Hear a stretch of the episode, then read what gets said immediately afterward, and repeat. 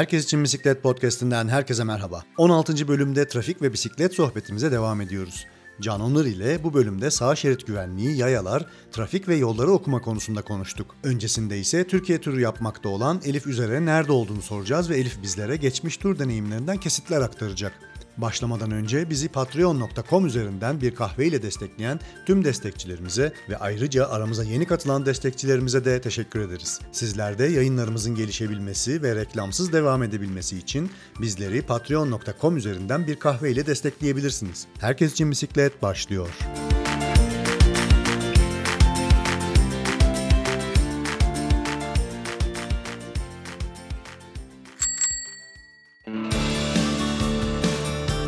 Selam Elif, şu anda neredesin? Selam Ekin. Badembükü'nden çıktım. Peşimde Badembükü'nün köpeği koca başla. Valla bisiklet kadar köpek Gittik gittik baktım beni takip ediyor. Tekrar geri döndüm çıktığım yokuşları. Köpeği köye doğru götürdüm. Bir ara dikkati dağılır gibi oldu. Hemen akabinde fıydırdım. Şu anda rüzgar inanılmaz arttı. Rüzgardan sebep ara vermem gerekti. Daha fazla devam edemeyeceğim. Bir balık çiftliğine sığındım. Sağ olsunlar izin verdiler e, geceyi burada geçirmeme. Çünkü fırtına gittikçe artıyor. E, ayrıca jandarma kontrol noktasıymış.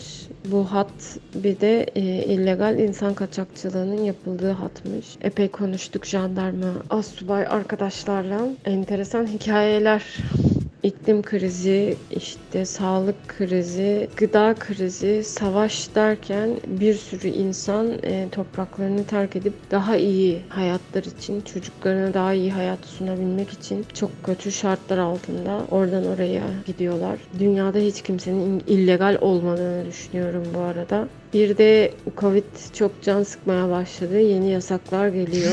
Bakalım bizi neler bekliyor. Ben de düşünüyorum bir şeyler. Sevgiler.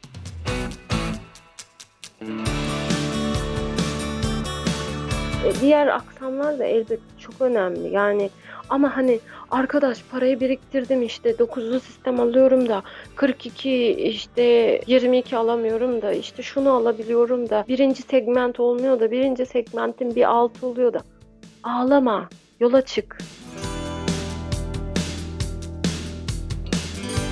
Yani ne varsa ben 9 vitesle Peru'yu bitirdim yani.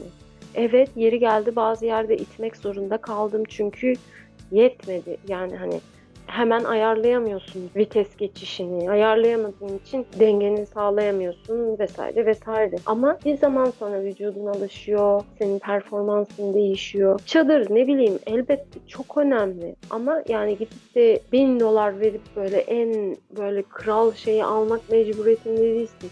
Evet belki 1-2 kilo fazla yük taşıyacaksın ama bunlar hep bir böyle hani derler ya hayatını ne zaman yaşayacaksın? İşte üniversite bitsin hayatımı yaşayacağım üniversite biter.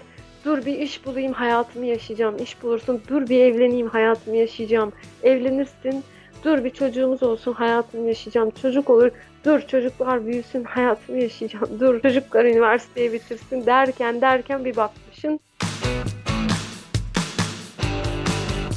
maceranın büyüğü küçüğü de yok. Yani küçük maceralar da yaratabilirsin kendine. Bunlar da kötü bir şey değil. İlle de kesintisiz böyle ha bu kadın 8 sene gitmiş dur ben de böyle bir şey yapayım. Öyle bir şey yok. Kim ne kadar yapabiliyorsa ben de bu tura çıkmadan evvel kaya tırmanış yapıyordum, dağlara gidiyordum. Ama çalışıyordum da. Sonuçta zamanım kısıtlıydı. Belli bir tatilim vardı. Onu ona göre ayarlamak zorundaydım. Yine yapılabilir. Her şey yapılabilir. Yeter ki insanlar istesinler ve hani ay North Face montum olmazsa gidemem dönem değil işte yani keçuan mont da giyiyorsun gayet gidiyorsun yani. Hiçbir şey yetmedi mi ayakkabın artık su geçirmeye başladıysa naylon poşete sokuyorsun ayağını gene yola devam ediyorsun yani. Hep bir çözüm üretilebiliyor. Yeter ki hani istek olsun. En önemlisi o. Çünkü istek yoksa ben şu an hep gençlerden duyuyorum. YouTube kanalı, bilmem ne, parasız gezme, sponsor bulalım. Kimse evet. kapınızda yatmıyor. Bu kadına sponsor olalım, bu adama sponsor olalım diye. Önce bir şey yapmanız lazım ki biri de desin ha evet buna sponsor olunabilir desin yani. Hatta demeye de bilir. Sıkıntı yok. Kendi paranızla da yapabilirsiniz bunları. Ne kadarı yetiyorsa, ne kadarına yetiyorsa.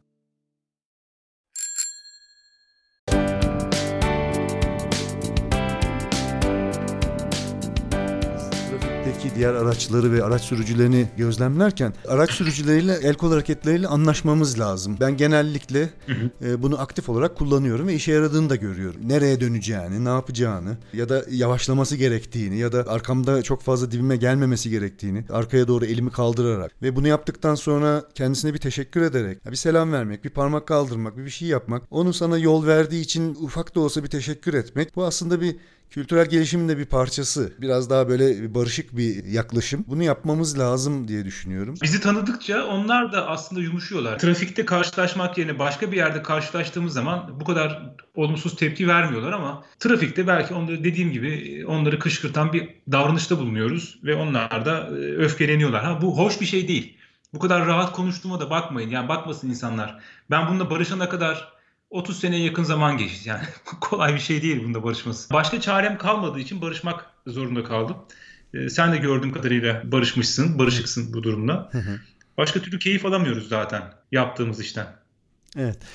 Ve e, sağ şeridin aslında birçok tehlikesi var. Bunlar hakkında da e, dinleyicileri bilgilendirebiliriz. Çünkü sağ şerit boşsa e, ve emniyet şeridi olarak ayrılmış bir çizgiye sahipseniz belli bir e, düzeni tutturarak buradan devam edebiliyorsunuz. Yine araçlarla beraber hı hı. hareket edebiliyorsunuz. Ama yine de sağ şeridin kendi içerisinde e, işte mesela kapı açılması ya da işte e, arabaların arasından birisinin fırlaması, e, yayanın fırlaması gibi birçok tehlikeyi barındırmakta. Bunlar hakkında da e, çok dikkatli olmak lazım. Şimdi şöyle kapı açılıyor. Bir taraftan da mesela ızgaralar var, mazgallar var. Yolun gidişine paralel bir ızgarayla karşılaşıp ondan kaçmaya çalışırken soldan gelen trafik var. Bir taraftan da arabaların sağda duran araçların kapısını açma tehlikesi var. E, vesaire bayağı aslında e, iş zorlaşıyor. Yani sağ taraf her zaman güvenli değil dediğin gibi. Evet. Çok haklısın. Çünkü e, aslında sağda ilerlerken e, hem görsel olarak hem işitsel olarak arkamızı kontrol etmek durumundayız. Yani bisikletinin trafikte ilerlerken bu hani en başta e, konuştuğumuz algılar meselesi hem görsel hem işitsel algılarımızın tam olması lazım. Arkadan gelen aracın ne olduğunu dinleyerek bulabiliyorsunuz. Yani bir tabii tabii markasını biliyorsunuz. Ha, aynen bir kamyon mu yalaşıyor, bir otobüs mü geliyor, bir motosiklet mi var, bir araç mı var, ne kadar uzaklıkta, ne kadar hızla geliyor.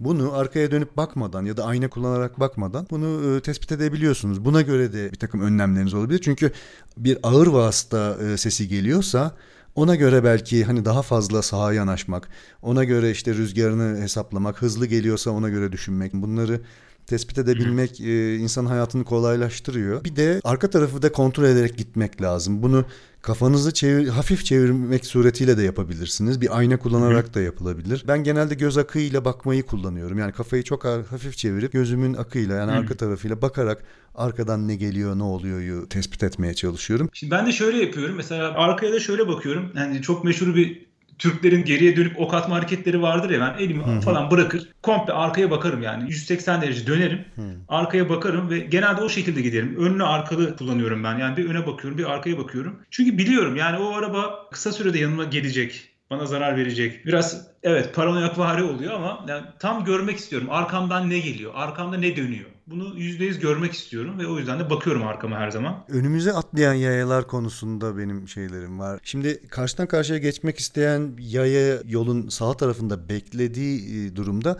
genellikle bir bisikletin hızını idrak edemiyorlar. Ee, Kütlesini ne? idrak edemiyor, hızını idrak ha, edemiyor. Hız, hızı idrak edemiyor. Zaten sesi olmadığı için yani bir araç gürültüsü, bir motor sesi olmadığı için bisiklet çok sessiz olarak ilerliyor ve üzerine geliyor ve o, o hızı pek idrak edemiyor. Dolayısıyla önünüze atlayabiliyor ve sizin durma mesafeniz olmayabiliyor. Tabii.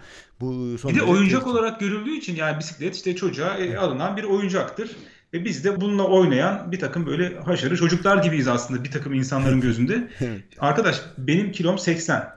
Bisikletin kilosu mesela benim bir tane var 18,5 kiloluk bisikletim var. E, et, etti 100 kilo. İçine suyunu falan vesaire koy. Hızla çarp. Saatte 30'da gittiğin zaman 40'da gittiğin zaman çarp bunu. Hı hı. Ortaya bir momentum çıkıyor ve e, o momentum seni hastaneye götürebilecek evet. kadar bir e, büyüklük aslında. Bunu yaya düşünemiyor. Evet. Bu yüzden de yine bize sorumluluk biniyor. Bizim bunu görüp yayaların da böyle davrandığını bilmemiz gerekiyor. Kesinlikle. Yani ben yayaları gördüğüm anda bir potansiyel tehlike olarak e, düşünüyorum. Hele ki yanında çocuğu olan işte ya da e, köpeğini gezdiren, köpeğini karşıdan karşıya geçirmekte olan bir yaya benim için çok daha büyük bir tehlike haline geliyor. Çok, çok. Çünkü beklenmeyen bir hareket olabilir orada. Bu tür yayaları sağda ya da sol şeritte refüjde mesela bekleyen birilerini gördüğüm zaman orta şeride geçip bunlardan açılmaya çalışıyorum. Bunlardan kaçmaya çalışıyorum. Çünkü ne zaman Çok yola doğru. atlayacağı, ne zaman üzerinize doğru atlayacağı, ne zaman e, geçmeyi kararını e, verdiğini o sadece araç trafiğini yöneterek yapıyor bunu. Araçlara Tabii. bakıyor. Araç gelmiyorsa sizin gelip gelmemeniz çok önemli değil. Yol atlayabiliyor. Çünkü Bunlar bizi araç olarak görmüyor. görmüyor. Evet. Bir tehlike olarak görmüyor. Ama Burada- şöyle bir avantajı oluyor yayaların. Ben de onu e, kullanıyorum aslında. Bazen işte her zaman arkaya bakamadığım durumlar oluyor. Ne bileyim otobüs duraklarına falan yaklaşırken uzaktan bakıyorum. Eğer e, otobüs durağında oturan kişiler ayağa kalkıyorsa tamam diyorum arkamdan otobüs geliyor. güzel bir Bir tespit. de onun üzerine bakıyorum arkama. E, evet sağlamasını yapıyorum. Güvenli biçimde devam ediyorum yoluma. Ee, Yaya büyük tehlike. Araçlar tabii ki de bizim için e, potansiyel tehlike ama ben yayaları da e, ne yapacağını e, kestiremediğimiz tehlikeler olaraktan e, niteliyorum. Dikkat etmekte fayda var. Dolayısıyla Hı hı. sağ şeridin tehlikeler arasında yayaların da e, büyük bir payı var. Şimdi bir şey daha geldi aklıma. Yani aklıma geldikçe eklemek istiyorum. Laf lafı açıyor. Şimdi biz çok böyle işin tehlikeli e, tarafını işte konuştuk. Ne bileyim Türkiye'de bu işi yapmanın ne kadar zor olduğundan bahsettik falan. Ama mesela yani daha evvel hayatının büyük bir çoğunluğunda bisiklete binmemiş ve öyle bir, bir olay başına geliyor ya da ne bileyim bir travma yaşıyor ya da e, canı istiyor. Bir an karar veriyor ve bisiklete biniyor. Mesela böyle insanlarla da ben karşılaştım ve hiç kaza yapmıyor mesela. Yani aslında genel olarak bir sükunet hali, e, sakin bir yaşantı. Yani sakin insanlar bunu daha rahat öğrenebiliyorlar aslında. E, mesela bir arkadaşım var benim, İrem belki bilirsiniz, İrem Çağıl. Bir gün canı sıkılıyor, İstanbul'dan basıyor, Barcelona'ya gidiyor. Üç buçuk ay e, pedal çeviriyor. Başına hiçbir şey de gelmiyor kadının. Böyle insan mesela insanlar var. Bir tane bir kadın var. Tam ismini hatırlayamıyorum. Kadının rekoru kırılamadı daha. Kocası ya da erkek arkadaşı ölüyordu. Depresyona giriyor. sık- Sıkıntı yaşıyor. Travma yaşıyor. Bir bisiklet alıyor ve dünyayı turluyor bu kadın. Başına hiçbir şey gelmiyor. Kadın İstanbul'a da geliyor. İstanbul diyor, diyor hakikaten diyor cehennem yani dünyanın en tehlikeli trafiği burada gibi bir şeyler söylemişti. Ama başına bir şey gelmiyor. Yani biraz öngörülü olmak, biraz sakin düşünüp, biraz daha böyle dikkatli olmak yetebiliyor belki. Bilmiyorum yani bu kadar çok düşünmeye acaba gerek var mı? Bu kadar onu da bir sorgulamak lazım aslında. Aslında evet yani biz hep negatif şeylerden bahsediyoruz şu anda. Biraz korkutucu, ürkütücü geliyor olabilir dinleyicilere ama maalesef aslında bisikletin trafikte var olduğu zamanki yaşadıkları bu sadece bizim ülkemize e, yönelik şeyler değil. Değil. E, Avrupa'da da kazalar oluyor, Amerika'da da kazalar oluyor ya da başka kıtalarda da bisiklet kazalarından her yıl birçok insan hayatını kaybediyor. Burada zaten en başında da açılışta da e, sohbetimizde e, bahsettiğimiz biz kendimizi korumak için ne yapabiliriz? E, Bütün derdimiz bu. Bunları yaptığımız zaman başımıza bir şey gelmeyecek anlamına gelmiyor. Gelmiyor. tabii, Gelmiyor mutlaka çünkü e, hiç beklenmedik birçok şey e, olabiliyor. Bisikletlinin trafikte öğrenmesi ve pratik etmesi gereken bir başka önemli konu ise yaşadığı şehirdeki yolları ve yolların yapısını kavraması gerekiyor. Çünkü hep düz bir yolda devam etmiyoruz. Hep böyle düzenli kavşaklar ya da e, düz yollarda değiliz. Sonuçta inişler var, çıkışlar var. Çok karmaşık e, yerler var. Mesela yoncalar var e, şehir trafiğinin içerisinde. E, bu yoncalar köprülerle birleşiyor gibi. Buraları öğrenmemiz gerekiyor. Yani trafiği okumayı öğrenmek gibi yolları da pratik ederek öğrenmemiz lazım. Trafiğin nereden birleştiğini, nereye saptığını, işte nerede yoğunluk oluştuğunu, araçlar için dizayn edilmiş yolların neresinde var olmamız gerektiğini de öğrenmemiz lazım. Örneğin bisikletlinin bir yoncaya yaklaştığı zaman, e, yonca dediğim herkes herhalde kafasında bir şekillendirebiliyor. Sağ şeritte e, devam ederken bir yoncaya geldiğinizde sağ tarafınızdan bir trafik dahil oluyor mevcut yola, gittiğiniz yola. Sol tarafınızdaki akan trafik ilerideki yoncanın e, girişine e, yanaşmaya çalışıyor. Araçların çaprazlama birbirlerine denk geldiği yere tam o yerde siz düz devam etmek istiyorsunuz. Birçok şeyi aynı anda yönetmek lazım. Bizim için aslında çok tehlikeli yerler. Tabii bunları bir anda baş etmek mümkün değil. Bisikletlinin bence e, trafiği öğrendikten ve belli pratiklere ulaştıktan sonra belli seviyelere ulaştıktan sonra böyle yerlere girmesi lazım. Eğer kendinize burada güvenmiyorsanız bu, bu tür trafiğe girmek Yok yerine gir- oraya evet oraya girmeyeceksin. oraya girmeyeceğim. Yani Yaya olarak. şey çok önemli. Ben mesela değişik insanlarla da e, sürdüm. Mesela eşimden bahsettim. İşte e, geçen sene tanıştığım, çok sevdiğim bir arkadaşım e, oldu. Kaan isminde. Bir gün derse gidiyordum. Eskişehir yolunda e, konut kente gidiyorum. Yolda böyle birbirimizi gördüğümüz zaman yani birbirimizi bir sınarız biz genelde. Böyle sen de yap- yapıyorsundur. İşte Yakalamaya çalışırız. Ondan sonra geçeriz. Arkadan gelir falan. Böyle bir kapışma durumları olur. Eğlenceli bir şeydir bu. Kaan'ı geçtim. Yani daha sonra adının Kaan olduğunu öğrendim. Bu arkadaşı geçtim. Çünkü hızlı gidiyordu. Merak ettim. E, nasıl gittiğini görmek istedim. O da geldi arkamdan abi işte falan iyi gidiyorsun vesaire. Kaan'ı gözlemliyorum. Adam mesela ben e, şeyi severim yani tünellere, alt geçitlere falan girmeyi severim. Benim girmediğim yerlerde Kaan son derece güvenli bir şekilde alt geçitlere, e, battı çıktı mı deniyor onlara, oralara giriyor. E, yoncalara emniyetli bir şekilde giriyor. Bana sordu abi sen neden hep sağdan gidiyorsun dedi. Benim ben böyle alıştım herhalde, böyle e, güvende hissediyorum. Ben de dedi böyle ortadan gidiyorum dedi. Dedim bravo iyi gidiyorsun. Çünkü şey çocukta şeyi hissetmedim. Yani böyle bir sakar, efendime söyleyeyim başına bir şey gelecekmiş. Yok adam 20 yaşında. Antalya'da daha sakin bir trafikte öğrenmiş ama kafasında olayı canlandır yani olayı bitirmiş. Güzel kullanıyordu. Ee, hiç e, endişem olmadı. Çok güzel biniyordu. Epey bir süre bindik Kaan'la biz. Ee, orada onu, onu gözlemledim. Mesela başka bir arkadaşım var. Onunla da biniyoruz. O da mesela yani yeni aldı bisikleti. İşte 28 yaşında. Hı hı. Dedim oğlum bayağı şey gibi kullanıyorsun yani çok son derece cesur böyle ondan sonra kararlı. Kararlı olmak e, gerekiyor. Evet. Yani ne yapacağına karar vermen gerekiyor. Vermemiz gerekiyor. İşte yoncaya gireceksen kesinlikle oradan gireceksin. Yani ben kararımı verdim diyorsun. İşte yoncaya gireceğim mesela. Yoncaya girerken o tehlikeli e, ortama girerken ne yapman gerektiğini önceden planlamak gerekiyor. Evet. Ne yapmamız gerektiğini önceden planlayacağız. E, bunu yaptığımız zaman da e, o risk, risklerin bayağı bir kısmı gitmiş oluyor. Planlamak önemli. Ama eğer e, riske giremeyecek durumdaysak, yani biraz trafiğe acemiysek hiç risk almaya gerek yok. Daha sakin, daha yavaş yolumuza devam edebiliriz. Alt geçitleri, üst geçitleri ya da battı çıktıları şimdi buraları kullanırken e, bisikletlerin biraz kendi gücünü bilmesi gerekiyor. Yani Hah, bir, bir battı çıktıya girerken yokuş aşağı e, giriyorsunuz. Gayet güzel, Tabii. hızlı. Diğer araçlarla belki böyle eş bir şekilde gidebiliyorsunuz. Hı hı. Fakat hı hı. o battı çıktının battısından sonra çıktı kısmına geldiğinizde tırmanmaya başlıyorsunuz ve trafik e, aynı hızıyla akıyor ama siz burada pedallara yüklenip e, belli bir hıza, belli bir ritme ulaşmanız lazım. E, Korumanız ee, gerekiyor hızınızı. Aynen hem korumamız gerekiyor hem çok hızlı bir şekilde oradan çıkmanız gerekiyor. Çıktıktan sonra da derdiniz bitmiyor çünkü sağ taraftan Yeni of. bir tra- yeni bir trafik e, buraya dahil oluyor. Şimdi böyle bir durumda eğer kendinizden emin değilseniz zaten bence yapılması gereken şey sağdan üstten trafiğin Çok yukarıda güzel. aktığı e, yeri tercih etmek ve e, hiç bu tehlikeye girmemek. Çünkü girmemek gerekiyor. Zaten bir şey ekleyeyim mi buraya? Şimdi aklıma geldi. Çok güzel bir yere değindin. Battı çıktı indin. Güzel bir hız genelde hızlı iniş inişler hızlı oluyor çıkarken de hızın düşüyor. Hızının düşmesinin şöyle bir tehlikesi var. Çok güzel bir yere değindin. Batta çıktıdan çıkarken sağdan gelen trafikle birleşiyorsun ve sağdan gelen trafik senin o yani orada bir bisikletli beklemiyor. Beklemediği için 30'la gitmek, 40'la gitmek falan çok tehlikeli. Olabildiğince hızlı gitmek gerekiyor ki çünkü yandan gelen yani sağdan gelen adam 100 ile gidiyor. Evet. 120 ile gidebiliyor yeri gelip. Çünkü bu, bunlar geniş yollar oluyor ve araçlar fırsat buldukları zaman da basıyorlar. Hı hı. Tabii bizim o hızlara çıkmamız imkansız ama olabildiğince hızımızı yüksek tutmamız gerekiyor. Hızımızı korumamız gerekiyor. Bu da zaten belirli bir performansı gerektiriyor. Yani orada evet, evet, e, evet. siz çuvalladığınız anda gidemediğiniz anda kimse açıkçası hani zaten sizi beklemedikleri bir noktada yavaşlamış, durmaya yakın ya da yavaş giden bir bisikleti kimse tölere etmiyor açıkçası. Burada Edemez. çok büyük bir tehlike e, ortaya çıkıyor. Şöyle bir şey daha e, gel, geliyor aklıma. Bunlar hep yaşanmış şeyler. Şimdi mesela vites değiştirmek çok önemli. Yani vitesi nerede kullanmak gerekiyor? Vitesi nasıl ortamlarda e, kullanacağız? Yani işin mekanik kısmına gireceğiz biraz ama doğru vites kullanan insanı e, insana çok rastlamadım işin doğrusu. Ya tabii Kaan ya da ne bileyim beraber sürüş yaptığımız, antrenman yaptığımız arkadaşlardan bahsetmiyorum. Daha bizden daha az binen insanlardan bahsediyorum. Yani yokuşa geldiği zaman bir bakıyorum yokuşun başında vitesi hız vitesinde.